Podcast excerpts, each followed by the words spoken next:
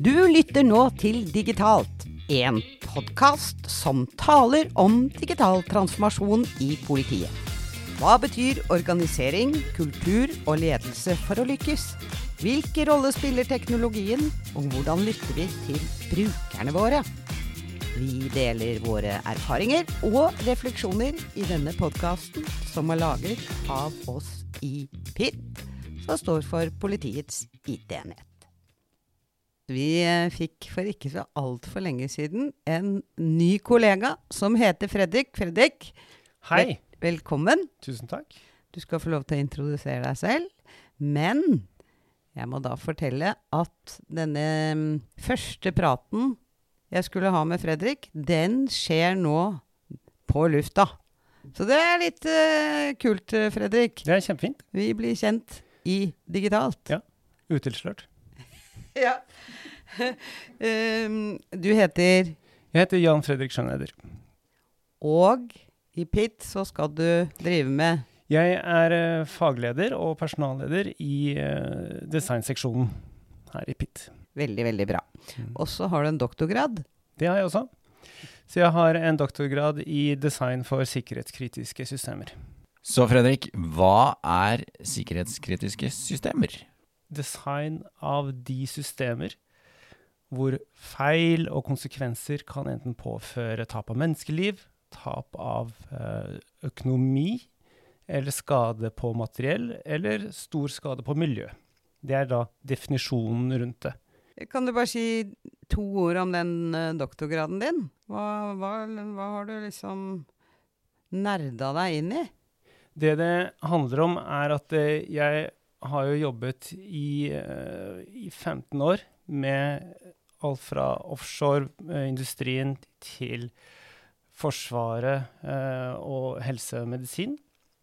Og der merket jeg veldig fort at jeg kom til kort med mine argumenter og min tilnærming i, den, i de domenene hvor jeg møtte andre type eh, kunder og stakeholdere som hadde et helt annet vokabular enn meg, eh, sto på en helt annen eh, Kall det lovverk, og sto, på en helt andre, sto, sto med helt andre standarder.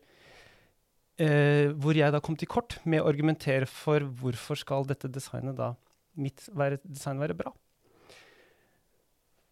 Og det handlet litt om at eh, jeg merket at her så føler jeg at de har det innpå noe, men det er noe feil her.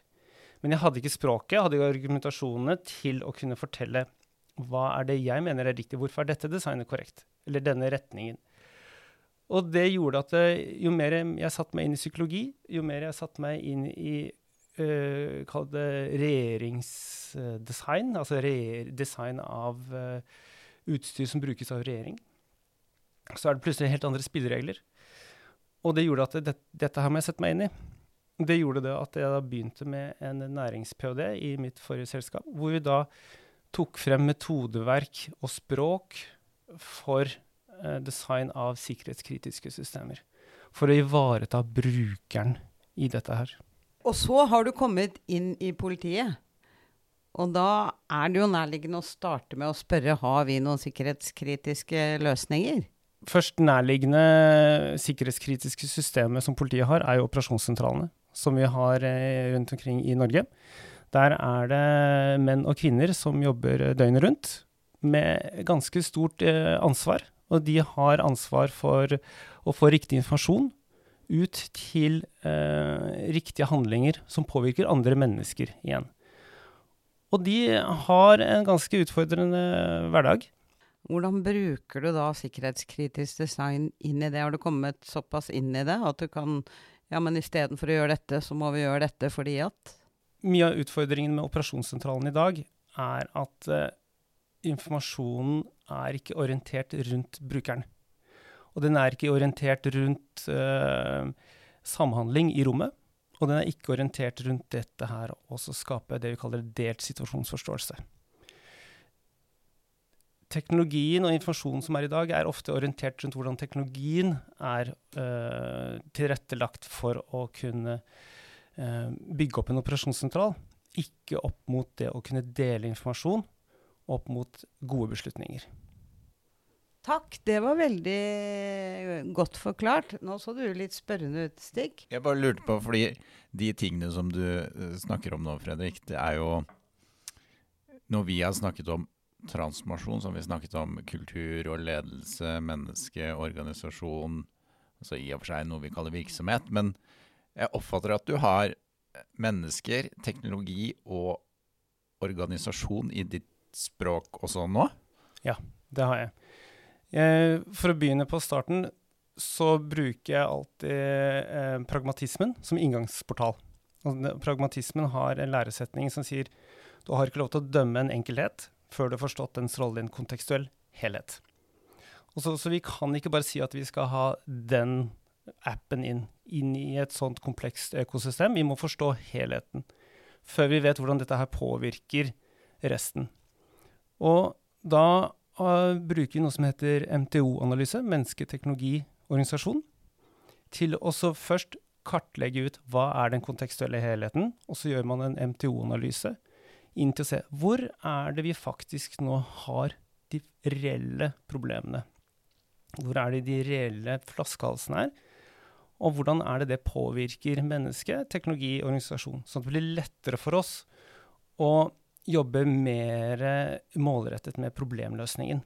Så da er det det problemidentisering, utgitt fra et helhetlig perspektiv, før man begynner å gå inn og se på okay, hva skal vi faktisk da løse. Men det høres jo på et vis eh, fornuftig og generelt ut, hvis du skjønner hva jeg mener med det. Eh, så, så eh, hvor kommer dette kritiske inn i det bildet da? Det kommer da videre inn når man begynner å jobbe inn med hvordan eh, informasjon henger opp mot tidskritikalitet. Um, det kan hende at uh, mye av den informasjonen som uh, er tilgjengelig, ikke er der pga. organisasjonen, eller fordi at uh, de har faktisk rekruttert feil folk. Det har vi sett noen ganger. så når man da først vet hvor problemet ligger, så er det da lettere inn å jobbe med inn mot det tidskritiske. Med å tenke hva slags flater skal vi dele informasjon på? Skal dette her være på storskjerm? Skal, hva slags informasjon skal det da være? Skal dette her kunne være i kart, eller skal det være i, i form av symboler? For å da imøtekomme hvordan hjernen er bygd opp. Hjernen er bygd opp på en måte som at den plukker opp symboler raskere enn tekst. Eh, symboler i kontekst med, med geografi, altså, altså, i form av kart, eller i form av kall tidsregnskap. Hvor er det de ulike politibilene, og hva slags ressurser har de i forhold til hvilke hendelser er det som oppstår i, i, uh, i kartet, er ting som man kan åpne opp og så få opp på, et, uh, på storskjermsløsninger for å kunne hjelpe å skape igjen da en delt situasjonsforståelse. Hva er det som skal deles på tvers? Altså det vi kaller delt situasjonsforståelse. Mm. og da er det det å forstå hva er det alle trenger å vite i rommet for at hver individ, hver operatør, skal kunne gjøre sin jobb best mulig. Og da ligger det i det å løfte frem på operatørnivå hva er informasjonen du trenger for å kunne ta riktig avgjørelse innenfor en viss tid. Og det er der dette her kommer inn med. Hvordan er det eh, hjernen er bygd opp, hvordan er det sanseapparatet vårt er bygd opp, og hvordan kan vi da bruke muskelminnene, eh, det vi kaller spasiell gjenkjenning, altså hvor er det jeg skal lete etter for å finne denne informasjonen, og bygge opp dette her mot en naturlig arbeidsflyt som man kan bruke hele kroppen til å også utføre en aksjon, da. Så det som har, Hva skal være fysiske knapper? Hva, skal være, hva kan vi tillate å være touch? Hva, skal, hva, slags informasjon skal være i tabeller? Alt dette her er eh, det vi kaller en interaksjonsfilosofi, som går på hvordan er det Hvordan du best mulig strukturerer informasjonen til eh, situasjonen. Ikke sant? Eh, det er helt riktig. Så det handler egentlig Guri, så interessant dette er. Det handler egentlig mye om å få eh, både riktig informasjon på riktig tid, men også på riktig, i riktig kanal, riktig flate. Og gjøre de riktige tingene. Riktig. Ja. Og så et eksempel som Jeg vet ikke om dette er sant eller ikke, men uh, jeg syns det passer veldig godt inn i det du prater om nå. Uh, en gang så ble jeg fortalt en historie om disse Apache kamphelikoptrene til amerikanerne. Og de ble i utgangspunktet designa for å ha kun én pilot. Men de var ganske avanserte når de kom, så de kunne detektere opptil f.eks. 100 mål. Eh, og da fant de ut at det å fly og velge ut mål, det var altfor høy kognitiv last. Så de innførte faktisk en, kall det skytter, så det er to stykker i det kamphelikopteret nettopp pga. at det er for mye informasjon. Ja. Uh, Apache-helikopteret er et veldig godt eksempel på det at uh, menneskets uh, iboende kvaliteter kompenserer for svakheten i et system.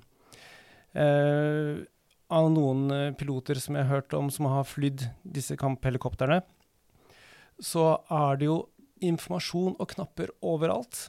Men pga. deres eh, liksom, vilje og motivasjon til å faktisk løse oppdraget, så er det flere av de som har utviklet evne til å få kameleonøyne. Altså de kan faktisk se med det ene øyet på et informasjonselement, og så bruke det andre øyet til å plukke opp et annet informasjonselement. For informasjonen er ikke, pluk er ikke organisert rundt din faktiske hovedmål. da. Men det gjør jo at disse stakkars flyverne går rundt med tre måneder med grene mens de gjør skarpe oppdrag. Og så begynner den å gi seg. Så, øh, men når, når, de da skal være hjem, altså hjem og ha pause i, i, tre måneder igjen, så går de da, når de egentlig skal slappe av, så går de da med tre måneder migrene igjen, for da driver øyet og så korrigerer seg tilbake igjen. Så det er et sånn typisk eksempel hvor teknologien satt overhånd, og ikke organisert informasjonen rundt din faktisk hovedmålsoppgave. Da. Dette satt uh, sikkerhetskritisk design Eh, et, et, nytt lys for meg, Fredrik. Så utrolig spennende. Eh, dette design som sådan handler jo mye om eh, forståelse av mennesket, forståelse av brukeren, hvordan du agerer. Men, men eh, poenget her er at det er i kritiske situasjoner. Og da blir det helt avgjørende at uh, dette spiller sammen. Har du, har du allerede kommet i gang for å for å dele denne kunnskapen inn i arbeidet med nye operasjonssentralene våre? Vi er så smått i gang. Eh, jeg har, deler den tiden jeg har eh, med dem, eh, og jobber med bl.a. Inf klassifisere informasjon ut ifra frekvens og kritikalitet, som det heter. Altså hva slags informasjon er det som man bruker hyppig? Og hva slags informasjon er det som man, bruker, som, som man trenger som er kritisk? For å kunne avverge situasjoner. Og da er det interessant å se på hva slags informasjon er det som er kritisk og må alltid være synlig.